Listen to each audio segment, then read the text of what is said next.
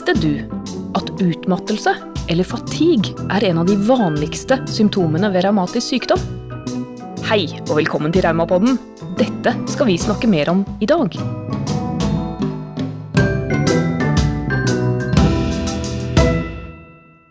Høsten kommer.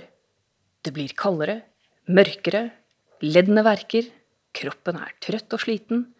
For oss som lever med revmatisk sykdom, så er kanskje ikke vinteren den kuleste tiden på året. Og jeg er litt spent på hvordan det kommer til å bli dette litt spesielle koronaåret, når man kanskje ikke har fått reise til varmere strøk, og heller kanskje ikke kommer til å få reise til varmere strøk for å samle krefter og D-vitaminer og få trent kroppen i varmt klima. Plutselig så kommer vinteren igjen, og mange sliter da med både smerter og utmattelse. Og et tema som vi har lyst til å snakke mer om, det er fatigue. Fordi Joakim og jeg, eh, vi kan mye om mangt, men akkurat dette kan vi ikke noe særlig om. Så har vi vært så heldige at vi har fått med oss norgeseksperten. Syns, I våre øyne så er du det, Elin. Det er Elin Fjerstad, psykologspesialist ved Diakonhjemmet sykehus, som har både skrevet bøker og forsket og laget mange spennende prosjekter rundt revmatisk sykdom og bl.a. fatigue. Kan ikke du fortelle litt om det arbeidet du har drevet på feltet? Ja. Eh, jo, hyggelig å være her. Velkommen. ja. Eh, jeg jobber jo da på Diakonhjemmet sykehus, som du sa. Eh, og har jobba mye med pasienter som har uh, utmattelse, da. Vedvarende utmattelse, som vi kaller det. Vedvarende utmattelse, ja. Ja, Så det er definisjonen på fatigue? Ja. Hva er fatigue? Var det var det første spørsmålet vårt? Ja. ja. Og om noen bruker navnet fatigue, og andre bruker utmattelse. Og når vi begynte med dette ene prosjektet, Energityvene, så lurte vi fælt på hva vi skulle kalle det. Hvilke ord skal vi bruke? Og så var det noen pasienter som sa at um, dere må bruke fatigue fordi vi må få fram at dette er en annen type slitenhet enn det å være vanlig sliten. Så det er et veldig godt poeng. Men så var det andre pasienter som sa at uh, Nei, dere må ikke bruke fatigue, fordi da vil jeg føle at jeg har fått enda en diagnose. Og jeg har mer enn nok med det jeg har. Så for fatigue er ingen egen diagnose. Nei. Men det er en beskrivelse, en på en måte symptombeskrivelse av en egentlig følgetilstand av veldig mange sykdommer. Da. Ja, og hva er Altså, for, du sier utmattelse er liksom både fysisk og psykisk mm. utmattelse? Mm. Ja, noen opplever det veldig sånn fysisk, at det er kroppen som er gjennomsliten. Mm. Andre opplever mest at det er mental fatigue, som, som, kan beskrives som Eller noen pasienter, da, beskriver det som eh, hjernetåke, eller mm. at du går, med, går i mental gjørme, eller sånne ting. Og mental fatigue er at du kan streve med å konsentrere seg, det, du kan streve med å huske, det å tenke, finne ord, det er kjennetegn på mental fatigue. Mm. Mens fysisk fatigue er jo det at kroppen eh, er kjempesliten. Så det er en overveldende følelse av å være utmatta. Det er så langt vi har definert det. Er eh, fatigue betinget av at man har en eh, diagnose en, som forårsaker fatiguen, eller kan eh, friske og raske og få fatigue? friske og raske kan få det som vi kaller for eh, eh, kronisk utmattelsessyndrom. Eh, altså de kan få Å møte veggen, liksom? Eller møte Er det det? Mm, ja, for så vidt. Men mm. utmattelsessyndrom, skråstrek ME, det er, jo, det er, jo, ikke å møte veggen, så det er noe annet. Mm. Men, eh, men, de har det som på en måte hoveddiagnosen, da. Mens veldig mange med ulike kroniske sykdommer, eller kreft, og sånne ting, har eh, fatigue, utmattelse, som en del av uh, hoveddiagnosen sin, da. Ja. Sykdomsbildet, også kreftoverlevere. For, det, for, for oss på muskel-skjelettfeltet, da, nå jobber vi for alle med muskel-skjelettlidelser, og, og i Norsk Revmatikerforbund så er det jo mange som har inflammatoriske leddsykdommer også. Den første forklaringen jeg fikk på dette med utmattelse, var liksom Tenk på det litt som om du har influensa hele tiden, eller, for det er jo en slags feberreaksjon, eller og da er det litt lettere å forstå det, egentlig. Mm. For det er noe fysiologisk. Men man har vel ingen fysiologisk forklaring, egentlig? Nei, altså det vi vet, er at det er ulike kilder til utmattelse. Og noen av de kildene er i kroppen, som, altså biologiske kilder, da, som f.eks. inflammasjon. Mm. Så har du en inflammatorisk revmatisk sykdom som du ikke har fått behandla tilstrekkelig med medisin, så kan sjølve betennelsen være liksom motoren i utmattelsen, da.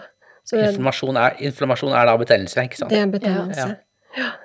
Så derfor er det så viktig å få gode medisiner som kan dempe betennelsen så mye som mulig. Så vil det også ha bra effekt på fatiguen for en del. Ja, det er det som er så vanskelig, at det er ikke sånn for alle. for kroppen jobber jo på høygir når den er syk. Ofte måler man jo sånn senkning eller CRP, og da det er jo det samme som å ha at har en sykdom i kroppen, og da, da blir man sliten av det òg, kanskje? At, det en, Mm. at man kan finne det i kroppen, på en måte? Ja. Eh, har du betennelse i, Ja. betennelse i kroppen, så har du ofte høy senkning, høy CRP. Mm. Og da er det litt lettere å forstå at eh, Mm. ja, da er det ikke så rart at den også er temmelig sliten. Men eh, hvis du da er i remisjon, som det heter, at du har ikke lenger noe betennelse i kroppen, men så er jeg likevel så sliten. Det er da Ah. det er veldig vanskelig for mange å forstå hvordan Ja, hvordan skal en da forstå fatigue og utmattelse? Hvorfor er jeg sliten nå? Ikke For den er ikke avhengig av betennelsen. Den kan, le, den kan forsterkes eller komme, men den kan, trenger ikke å forsvinne hvis den forsvinner, ja. Skjønner. Vi en, eller på Rauma så gjorde de en studie på pasienter eh, på Rauma, da. Og da så de vel at det var av de som var i remisjon, så var det fortsatt det var det 27 eller 29 prosent som allikevel hadde utmattelse, da. Selv om de var godt medisinsk behandla og alt det der. Og er ikke dette også et tema som legene egentlig ikke visste så mye om, fordi legene ofte er opptatt av å behandle ja, symptomene, liksom få ned betennelsen og sånn, men at det var pasientene som gjorde dem oppmerksomme på at Mm. utmattelse faktisk, faktisk tar veldig mye livskvalitet? Ja, det er helt riktig. Det var pågangen fra pasientorganisasjonene og pasientene som, som gjorde at utmattelse f.eks. ble tatt med som et sånn det de kaller for et utfallsmål i forskninga. Når en skal se hvordan går det med oss, så, så ville også pasientene ha med ikke bare smerter, men også utmattelse. Mange sier jo at én ting er smertene, men liksom utmattelse er gjerne det som gjør at folk f.eks. ikke klarer å holde seg i jobb, da. Så, så det er et veldig sånn eh, hemmende symptom, som heldigvis tas mer på alvor nå, nå i dag. Mm. Altså, du kan jo eh, på en måte ja, være, være sånn at det er ingenting måte, fysisk feil i kroppen, men allikevel kan utmattelse gjøre deg så slått ut at du ikke fungerer. Ja. Er ikke det eh, relativt normalt blant eh, folk med kronisk sykdom? Ja, egentlig. Fordi det er jo også veldig mange ulike kilder til utmattelse. Og det å gå og ha smerter hele tida, f.eks., det smerte er jo en av de store energityvene. Mm. Men har det noe med varighet å gjøre? Altså, jeg føler meg utmattet etter en eh, stressende dag på jobb, og det er jo, blir jo enda mer sliten hvis jeg har vondt i kroppen i tillegg, da. Mm. Eh, og så varer det den kvelden, og kanskje kjenner dagen etterpå. Og så gjør jeg noe hyggelig, og, liksom, og det er helg, og glemmer det litt, og så er jeg klar igjen på mandag. Har jeg da fatigue? Den de to og en halv dagene, eller? Jeg vil ikke si det. For hvis du, hvis du er sliten, men du faktisk har effekt av å hvile og Ja. ta det med ro, så, så er det nok vanlig slitenhet. Sant? At du kanskje har gjort litt, eh, litt mer enn det du egentlig har kapasitet til. Ja. Og det gjør vi jo stadig vekk. Og det er ikke noe problem hvis en ikke har utmattelse. Men, men utmattelse eh, går Altså, den eh, Du kan ikke hvile deg eller sove deg frisk fra utmattelse. Okay. Og det er en eh, vesensforskjell, da. Så hva kan man gjøre da? Ok, så hvis jeg har fatigue eller er uh, utmattet, med, har utmattelse, så vil det ikke hjelpe å bare legge meg ned og ta en hvil eller en powernap, for det jeg er småbarnsmor, jeg er trøtt hele tida, må, må jeg bare si. Og det, og det, det kan, men jeg kan også kjenne på en sånn derre dyp slitenhet som ja, som noen ganger så hjelper det ikke å sove. Hva, hva kan man gjøre da, da? Ja, da er det tusen ting. Hei, det er tusen ting. det- Så bra, det. er jo- Jobber mye med det. Hva, hva kan en gjøre da? For det er noe av det som har vært så vanskelig for pasienter med utmattelse, er at en, får, en går til legen og kanskje forteller at en er veldig sliten, og så, ja, så er det ikke noe å gjøre noe med. Vi har ikke noe utmattelsesstillende medisin. Vi har smertestillende, vi har fosterstillende, vi har kløstillende, men vi har ikke noe medisin som, eh, som direkte påvirker utmattelsen. Og da er det lett å liksom få følelsen av at ok, det er ingenting å gjøre med denne utmattelsen. Det er bare liksom å legge seg ned eller gi opp eller Ja. Fordi du, Anna, du nevnte jo været innledningsvis, at vi går Ja. mot mer regn og mørkere tider. Så det å være et sted hvor det bare er sol og varmt eh, For noen er det sikkert veldig fint.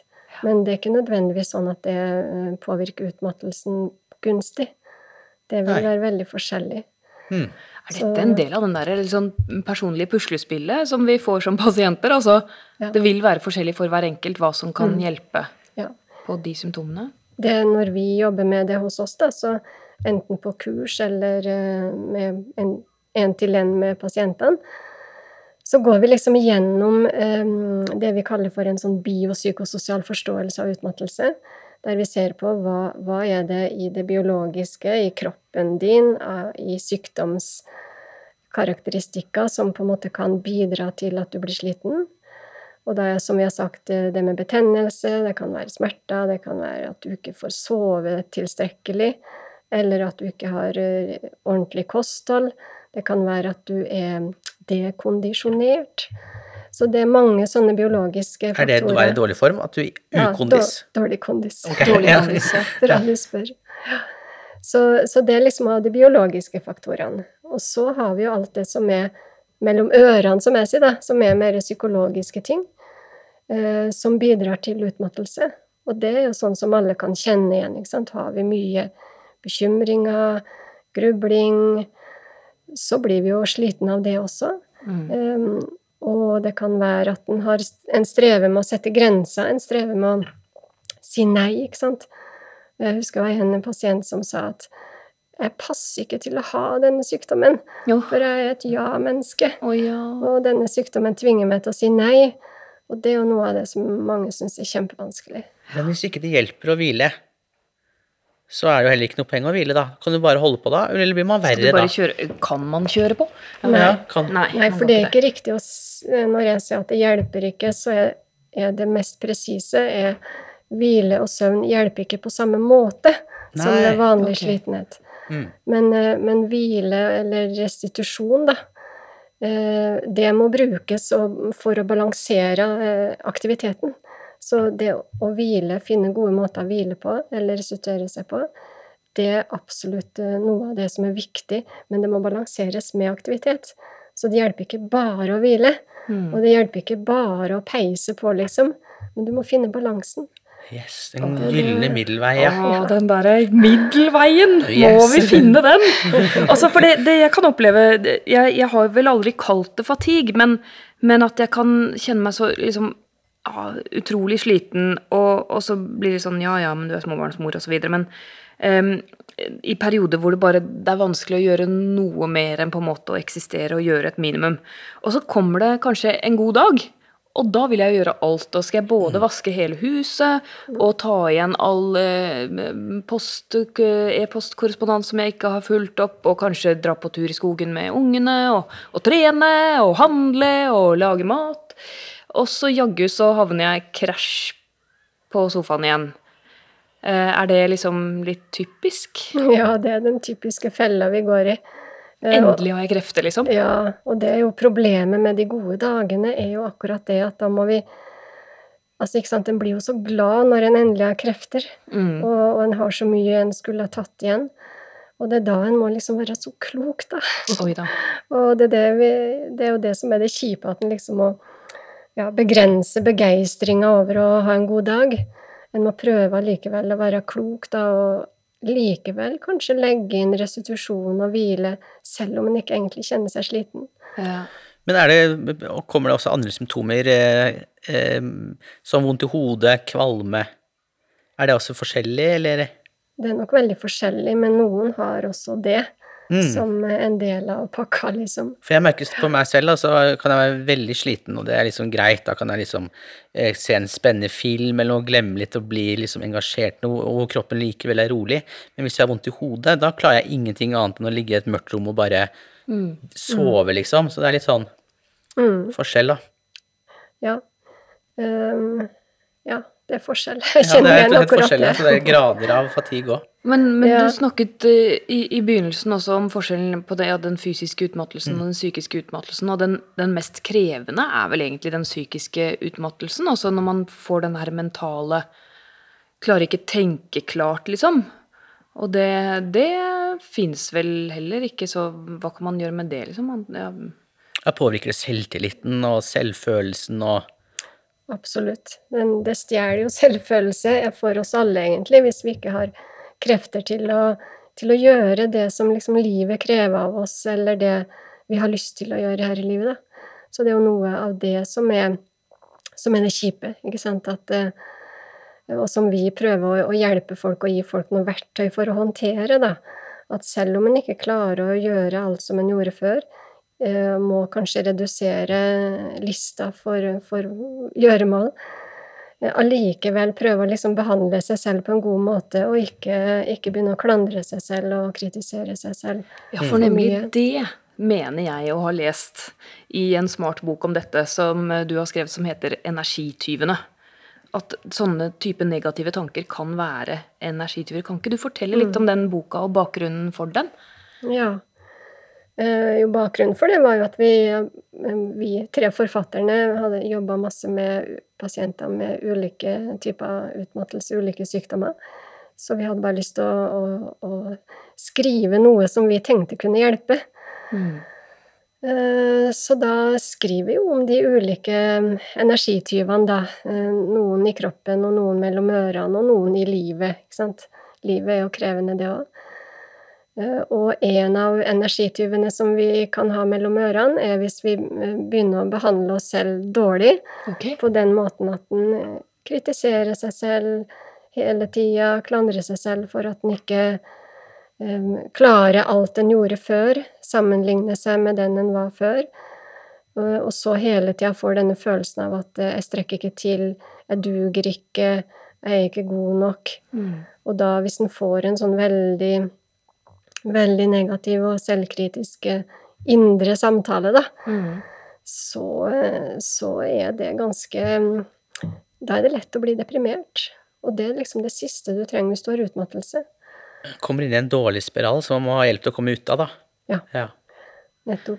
Jeg har jo snakket om det i forbindelse med smerte, men jeg tror det er veldig lignende. ehm, at eh, både smerte og utmattelse at Det kjennes som man har et batteri. altså Kreftene bare suges ut av deg, liksom. altså eh, Hvis vanlige mennesker, altså friske folk eller meg selv som frisk, hadde gått rundt med et batteri som kunne lades på en natt, så ble det lada si, fra 90 til 100% så kjenner jeg når sykdommen min er aktiv, at det kanskje på en, en natts søvn, om den er god eller ikke, så kanskje jeg bare lades 20% Så jeg har på en måte mye mindre energi på starten av dagen enn eh, jeg hadde da jeg var frisk. Og da blir jo energiøkonomisering blir jo et tema jeg må forholde meg til helt personlig, på en måte. Hva skal jeg bruke de 20 prosentene på? Um, og, og du snakket om energityvene, og det er en kjempebra bok som jeg anbefaler alle å lese, alle som hører på denne podden. Eh, Du kan sikkert få bestilt den på biblioteket også, eller bestilt den på nettet. Men da, eh, da bruker jeg f.eks. Hvis, hvis jeg slipper de energityvene til, da, så bruker jeg jo kanskje av mine eh, dyrebare 20 jeg, bare, jeg lar de renne ut og bli stjålet til andre ting og til dårlige ting. Mm. Ja, det er noe med det at når du, når du har utmattelse, så har du liksom ikke noe energi å sløse bort. Nemlig. Så det er det som er så vanskelig, det at du må prøve å eh, tette energilekkasjene. Mm. Og det å f.eks. snakke seg selv ned eller eh, kritisere seg selv hele tida, det er en stor energilekkasje. Hjemme så har vi en regel. Hvis ikke man har noe hyggelig å si, så behøver man ikke å si det. Og det gjelder også om seg selv. Ja. Ja, ja, ja. Det må høres litt, litt utfordrende ut for pårørende òg, da. Altså kjærester, eh, barn. ja. eh, Liksom å lære seg Ja, teknikker for hvordan man kan hjelpe. For det er jo litt sånn, når det ikke er så liksom, enkelt svar på, på hva man skal bidra med, hvordan mm. vet du noe om det, altså? Eh, Ja, det er jo noe av det som er vanskelig for pårørende, sånn som du sier, fordi at uh, ofte så ser en det ikke utapå, ikke sant. Eh, og, og noe av det pasientene opplever, er jo at det varierer så fælt. Mm. Den ene dagen kan en liksom uh, gjøre masse, som du sa, og neste dag så er en helt uh, utlada. Så sånn sett så er også utmattelse et ganske sånn urettferdig symptom, fordi Ja. at folk, folk ser deg når du er på ditt beste. Mm. Sånn Du- Vi ser ikke hverandre når vi ligger hjemme i senga og er helt uh, gåen. Ikke sant? Og det er lett for omgivelsene å Eller det er vanskelig for omgivelsene å forstå hvorfor, hvorfor, Mm. hvorfor klarer du ikke det i dag, da, når du klarte det i går, eller Du ser jo så frisk ut, og så Mm. Og der kommer hele det der prioriterings-puslespillet inn også, eller det regnestykket, da. For ikke sant, ok, ja, hvis du har de 20% batterikapasitet, og så, så skal du, er det visse ting du må gjøre, og så er det visse ting du vil gjøre. Eh, hvilke ting skal du prioritere? Og da, da kan jeg kjenne liksom skyldfølelse. Hvis det er en venninne som jeg har laget en avtale med, ja, men vi skal mm, treffes og gå på kafé etter jobb, eller Og så kjenner jeg kanskje at ja, men jeg orker, jeg klarer virkelig det, jeg må bare komme meg hjem og legge meg i senga. Eh, Men da kan jeg få dårlig samvittighet for det. Ja, men du klarte jo ditt og datt, om det var å trene, eller ja, du har jo Du var jo på skogstur i helgen, eller Ikke sant. Og hun, hun sier det jo ikke. En venninne sier jo aldri sånn. Men, men jeg kjenner det selv. Liksom, hvordan kan jeg legitimere at jeg trenger å sette disse grensene? Man føler seg så slem, liksom, når man setter grenser. Mm. Mm. Går det an å gjøre det på en snill måte? Går det an å gjøre det på en fin måte? Jeg vet ikke. Det er i hvert fall eh, altså, Den dårlige samvittigheten, det er jo virkelig en energityv. Ok. Ikke sant? Så da er på en måte så er det nesten ikke vits å avlyse det, den venninna, fordi at eh, du blir sliten av å gå rundt og klandre deg selv for at du er en dårlig venninne som ikke stiller opp til avtaler. Ikke Så jeg blir mer sliten av å avlyse avtalen enn å gå på avtalen og være der kanskje litt kort, og så smile og, og ha det koselig kanskje bare 20 minutter istedenfor en time? Ja. Det er faktisk noe å vurdere hvis en, eh, hvis en er slitt med mye dårlig samvittighet. For skyldfølelse og dårlig samvittighet, det, er veldig, det, det tærer på, på oss alle. Men jeg skjønner jo at den kommer, da, når man ser på eh, Instagram og hva oh, alle de helt- gjør hele tiden, at eh, man skal jo være best i alt hele, hele Ikke veien. måte på hvor mange fjelltopper du kan klatre opp Nei. i dette landet, har du sett det? Men det kommer jo liksom flere sånne sånn eh, At man legger til At det liksom blir mer normalt, eller hva skal jeg si, akseptert. Og, eh, man legger ut sånn I dag ser jeg sånn ut, det er greit. Jeg har ikke rydda, Ja, det er greit. Ja. At man eh, legger lista realistisk, da. ja. Så det hadde vært det- morsomt hvis, all, hvis all, vi alle kunne liksom ta bilde av oss selv og legge ut når vi er på vårt verste, så hadde vi kanskje Ja. fått det annerledes. Vise oppvasken og, og kleshaugen hjemme. Men når du sa det, Joakim, så det akkurat da det kommer inn det der med å ha en sånn støttende indre samtale, da. ja. Ikke sant? At du da kan liksom heie på deg selv heller enn å kritisere deg selv for ikke å stille opp eller eh, være god venninne. Ja, nå Det var dumt jeg ikke kunne det, men fy søren, så, så flink jeg er som faktisk nå klarer å sette grenser sånn at jeg kanskje ikke blir så sliten i morgen, for eksempel. Så må liksom ha den der liksom heiagjengen inni seg selv, da. Mm. Og kanskje også ta seg tiden til å reflektere, da. Liksom, hva var det som i noen situasjoner føles som de tar så veldig mye krefter, så kan man jo kanskje finne ut ok, hva var det ved den situasjonen som, som, eh, som gjorde at jeg ble så ekstra sliten. Jeg har oppdaget sånne ting som lyd. ikke sant? Altså Hvis du er i et miljø som et kjøpesenter eksempel, med veldig mye bakgrunnsstøy og kanskje eh, Ja, det er veldig mye som skjer, at det krever kanskje mye mer av meg enn å gå på en enkeltbutikk. Eller sånn. Eh, den, altså ikke utsette meg selv for miljøer der jeg vet at ja, jeg vil bli mye trettere enn jeg trenger å bli, da. Ja. Men jeg er litt nysgjerrig, fordi at eh, man snakker jo om eh, at eh, akseptfase sånn når det gjelder å få en eh, revmatisk sykdom, at og så når man lever med en stund, så danner man en ny normal, da. Mm. Altså, jeg har mye stiv og vondt, men det er liksom, det er friskt og fint for meg nå, liksom. Jeg har akseptert at det er sånn. Eh, sånn at de 20 har liksom blitt til eh, 80 eller 90 eller 100 prosent, da. Ikke sant? Sånn at jeg bare lagt lista på et annet nivå. Ja. Er det sånn med fatigue òg, at, man, at eh, man lærer seg å leve med det, liksom, og, og, at, eh, og at det ikke oppfattes så slitent etter en stund?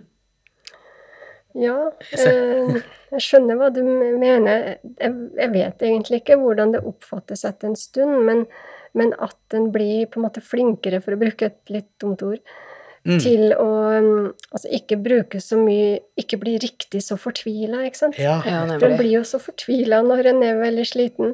Men hvis den, også den fortvilelsen eller den, eh, det sinnet eller den sorgen på en måte krever krefter Ikke sant? Sånn at eh, hvis du ikke blir så veldig opprørt hver gang, Mm. så sparer du kanskje litt krefter, og, og på sikt så blir vi jo, venner vi oss jo til det, sånn som du sier. Ja, og da snur sirkelen fra å bli en negativ spiral til å bli en positiv, og baller det positive på seg.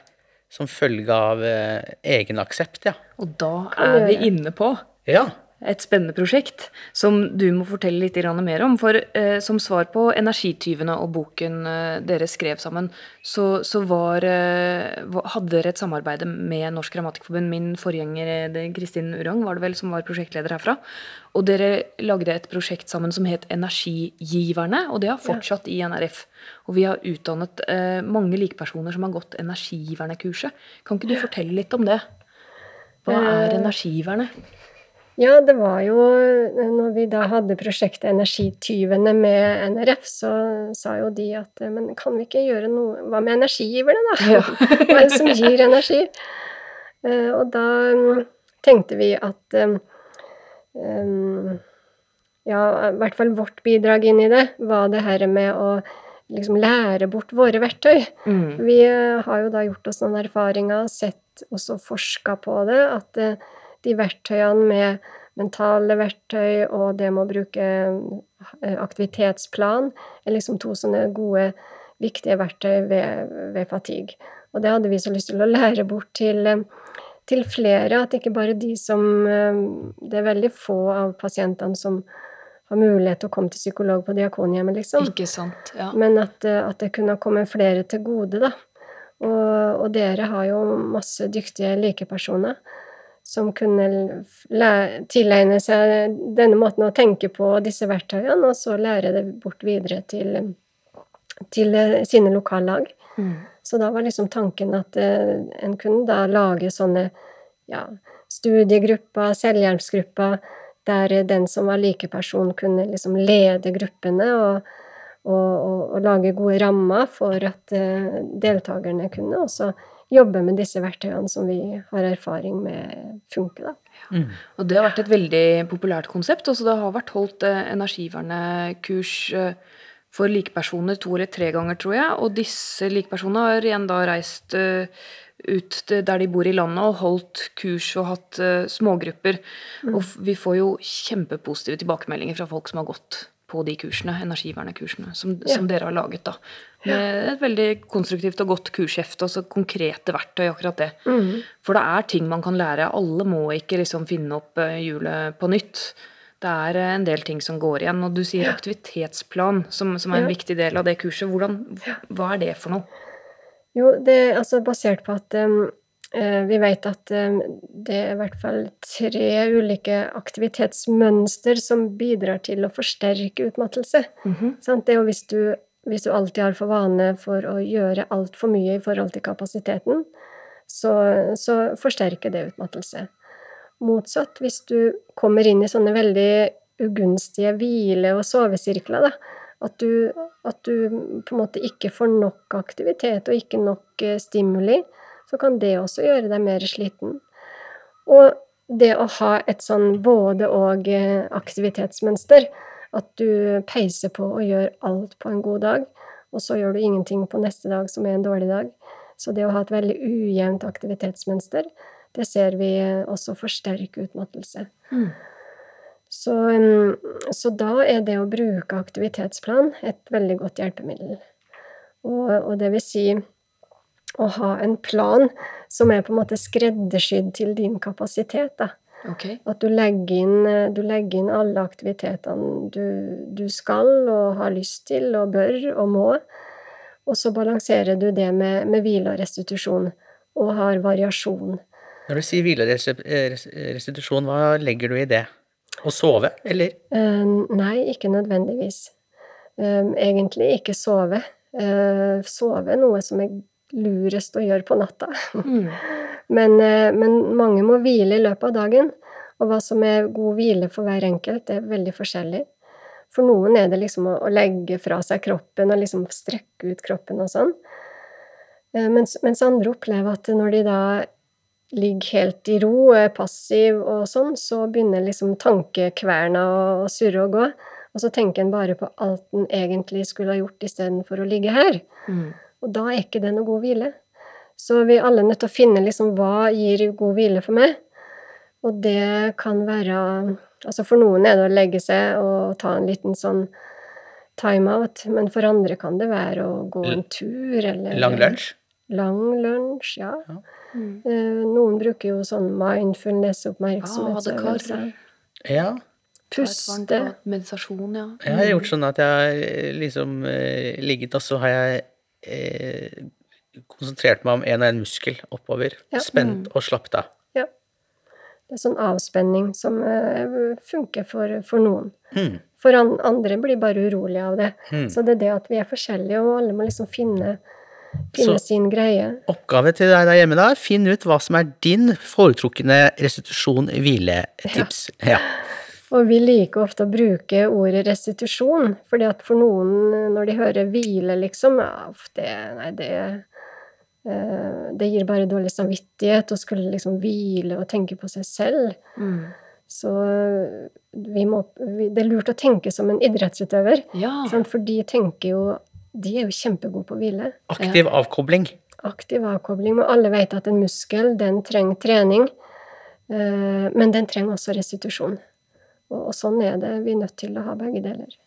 Vi kronikere er jo egentlig idrettsutøvere alle sammen, som høypresterer. Eh, Når vi er eh, ute og for, meg kan det å gå 200 meter kan være like krevende som kanskje det er for noen andre å løpe en mil. Mm. Så det, ja, jeg liker, eh, jeg liker terminologien. Jeg skal eh, prøve å veve inn mer restitusjon i hverdagen. Men aktivitetsplan hørtes, hørtes komplisert ut i forhold til Er det en uke, eller er det altså, hvor, hvor lang tid legger man en aktivitetsplan over? Når vi jobber på disse kursene våre, så har vi en uke. Mm. Uh, og, og, og poenget er jo ikke at dette skal være liksom en, uh, en tvangstrøye eller, eller noe som er hugget i stein en gang for alle. Men det er å, å, å bruke litt tid på å tenke gjennom hva, hva er det jeg må denne uka her? Hva er det jeg kanskje bør, og hva har jeg lyst til? Og prøve å, å legge inn de aktivitetene, og også da legge inn hvilen, sånn at den, at den kan eh, At den ikke blir stressa av 'Å, gud, hvordan skal jeg klare neste dag', liksom. Ja, men det har jeg lagt en plan for. Mm. Jeg har lagt en plan som tar høyde for at jeg er nødt til å restituere to ganger i løpet av dagen, eller tre, eller Og så kan jeg tenke meg at hvis man begynner å merke at det hjelper, da, ikke sant, og at man blir bedre, at man er keen på å pushe og gjøre, putte inn flere ting i den aktivitetsplanen, men da er det kanskje greit å ligge på det nivået en stund, så man kan bygge opp litt overskudd. Og i hvert fall ikke kutte Ja. restitusjonen, da, høres Ja, ut som. ja. De fleste går nok i motsatt felle, at en, en tenker en skal klare mer enn en egentlig gjør. Ikke sant? Men eh, en annen lur ting med sånn plan er jo at det er egentlig den beste måten å, å snu eller å få gode vaner på, da. Sant? Eller endre vaner. Og det er jo noe av det som er det vanskelige for oss mennesker, det er å endre vaner. Hvis du har for vane med å skulle gjøre tusen ting før lunsj, Mm. så, så, så er det et hjelpemiddel å bruke en plan som der du liksom i et klokt øyeblikk har planlagt at jeg kan ikke gjøre tusen ting før lunsj, jeg må også legge inn noen pauser. Mm. Hvordan kommuniserer man til andre at man har eh, fatigue, da, til arbeidsgiver og Altså, jeg tenker ikke nødvendigvis nærmeste familie, men de man har med å gjøre. Uh, ja, må nesten forklare litt, da. Ja. Uh, si at uh, eksempel jeg har en revmatisk sykdom, og, og den gir jo med smerte og noe som heter fatigue, eller Ja. som er utmattelse. Ja. At jeg har mindre kapasitet enn det jeg hadde før. At jeg trenger å ta pauser i løpet av dagen. Mm. Um, og, og må passe på at jeg ikke overdriver. Uh, må, en må nesten bare forklare det sånn, tror jeg. Ja. Og det er vel blitt vanligere å, å snakke om også. Uh, Jeg tror flere forstår det nå. Mm. Det er et relativt nytt begrep, da. Fatigue. Ja, så er det jo så bra at det drives forskning på det, og at det er et miljø, at det blir mer akseptert, og, og da kommer, finner man mer og mer ut hele tiden for tiden som går, og så Mm. ting som hjelper, og hvordan man kan kommunisere det, og anerkjennelse og mm. Vi hadde Ja. jo besøk av en smerteforsker, Audun Stubhaug, her i, i fjor på en annen episode av podkasten, og han husker jeg sa det eh, at han, han trodde, og de forsket på da, i hans smerteforskningsmiljø, han mente at eh, at smerte var en så sterk bidragsyter til fatigue at det Hvis man løste smerteproblemet, eh, om det er med forskning eller ja, individuelt tilpasset behandling, da, så ville man i 80% av tilfellene også fjerne eh, fatigue-problemet. Men det hadde han jo ikke Det var mer en sånn anekdotisk. Han hadde jo ikke klart å bevise det ennå. Nei. Eh, Jeg tror han, gjerne det for folk som har sykdommer som gir smerte, sånn som revmatiske sykdommer, så tror jeg gjerne at det kan eh, Det i hvert fall vil hjelpe veldig hvis en eh, hadde fått bedre måter å leve med smerte på. Men, eh, men det er jo veldig mange andre sykdommer som ikke gir smerte, der folk er veldig plaga med fatigue. Så det løser ikke problemet for alle. Ikke sant? En kan ha fatigue i etterkant av kreft eller slag eller hjertesykdom. Og Alle covid har jeg hørt òg, etter å covid. hjelpes, ja. Veldig etter covid. Mm. Absolutt. Det kommer en ny, en ny bølge med utmattede. Men altså jeg, jeg kjenner nesten at jeg begynner å få litt sånn der eh, ut, utmattet jerntåke bare vi snakker om dette her. ja. Men, men det er jeg, jeg, jeg, tuller ikke. Det er, det er jo noe med at man liksom retter søkelys mot det også. Jeg, jeg vil ta med meg fra denne her samtalen virkelig det her med å planlegge restitusjon, og kanskje å, kalle det restitusjon og ikke hvile også. For jeg er nok litt den at jeg bare legger meg på sofaen, liksom, og så er det hvile. Men ja, eh, å bevisstgjøre meg eh, hva som kan være energigiverne mine, da. Mm. Eh, og så vil jeg absolutt ta med meg det du, det du fortalte om negativt selvsnakk, og, og sant, at man kan sabotere seg selv og bruke krefter på et, eh, en indre selvsnakk eller en indre dialog som, som rett og slett er å kaste krefter ut av vinduet. Så, så vil jeg oppmuntre de som eh, hører på, til å ta seg tid til å skrive sin egen lille energibringerliste. Liksom, hva er det som fyller dine batterier? Hva er det som gir deg krefter, energi og overskudd? For det er en interessant øvelse. Bare sett timeren på klokka di, bruk fem minutter, og skriv ned alt du kommer på som gir deg energi i hverdagen. Det var et lite tips herfra. Har dere andre tanker? Hva kan, hva kan vi gi lytterne våre som energitips?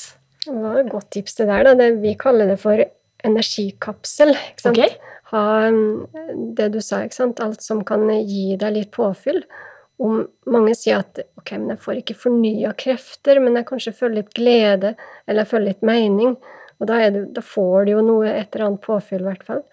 Så det å tenke på ikke sant, Høre på en sang, bare sitte og puste, eller ikke ja, det er veldig mange små ting som kan være energigivere, og tenke på det som sånne små energikapsler som jeg kan ta fram i løpet av en dag, for å prøve å balansere det som tar krefter, og det som gir. Mm. Realistiske forventninger, også prioritering. Prioriter det som absolutt er eh, viktigst eh, for deg. Ja. Mm. Ja, Det er også en bevisstgjøringsprosess. Nå hørtes du så proff ut, Joakim. Jeg trodde du, du kom til podkasten i dag og var fatigue. Hva er det? Og så vet du egentlig veldig, akkurat hva det er. det har vært en veldig, veldig lærerik podkast. Jeg har lært så mye. Så bra! Helt Så bra. Da sier jeg tusen, tusen takk til deg, Elin, som kom her og delte kunnskap og erfaring eh, med oss. Så lykke til til oss alle tre, og alle dere lyttere, inn i denne koronahøsten. Ja, Vi må og- finne energikapslene våre. Og det er nødvendigvis ikke avhengig av været, så vi trenger ikke å grue oss til eh, vinteren nødvendigvis. Ja, ok, jeg stoler på deg. Sjalabais! I dag har vi snakket om fatigue og utmattelse, og hvordan man kan prøve å få flere energikapsler i hverdagen sin. Lurer du på hvorfor lyden i denne podkasten er så bra? Det er fordi det er Podmaster som har fiksa lyden.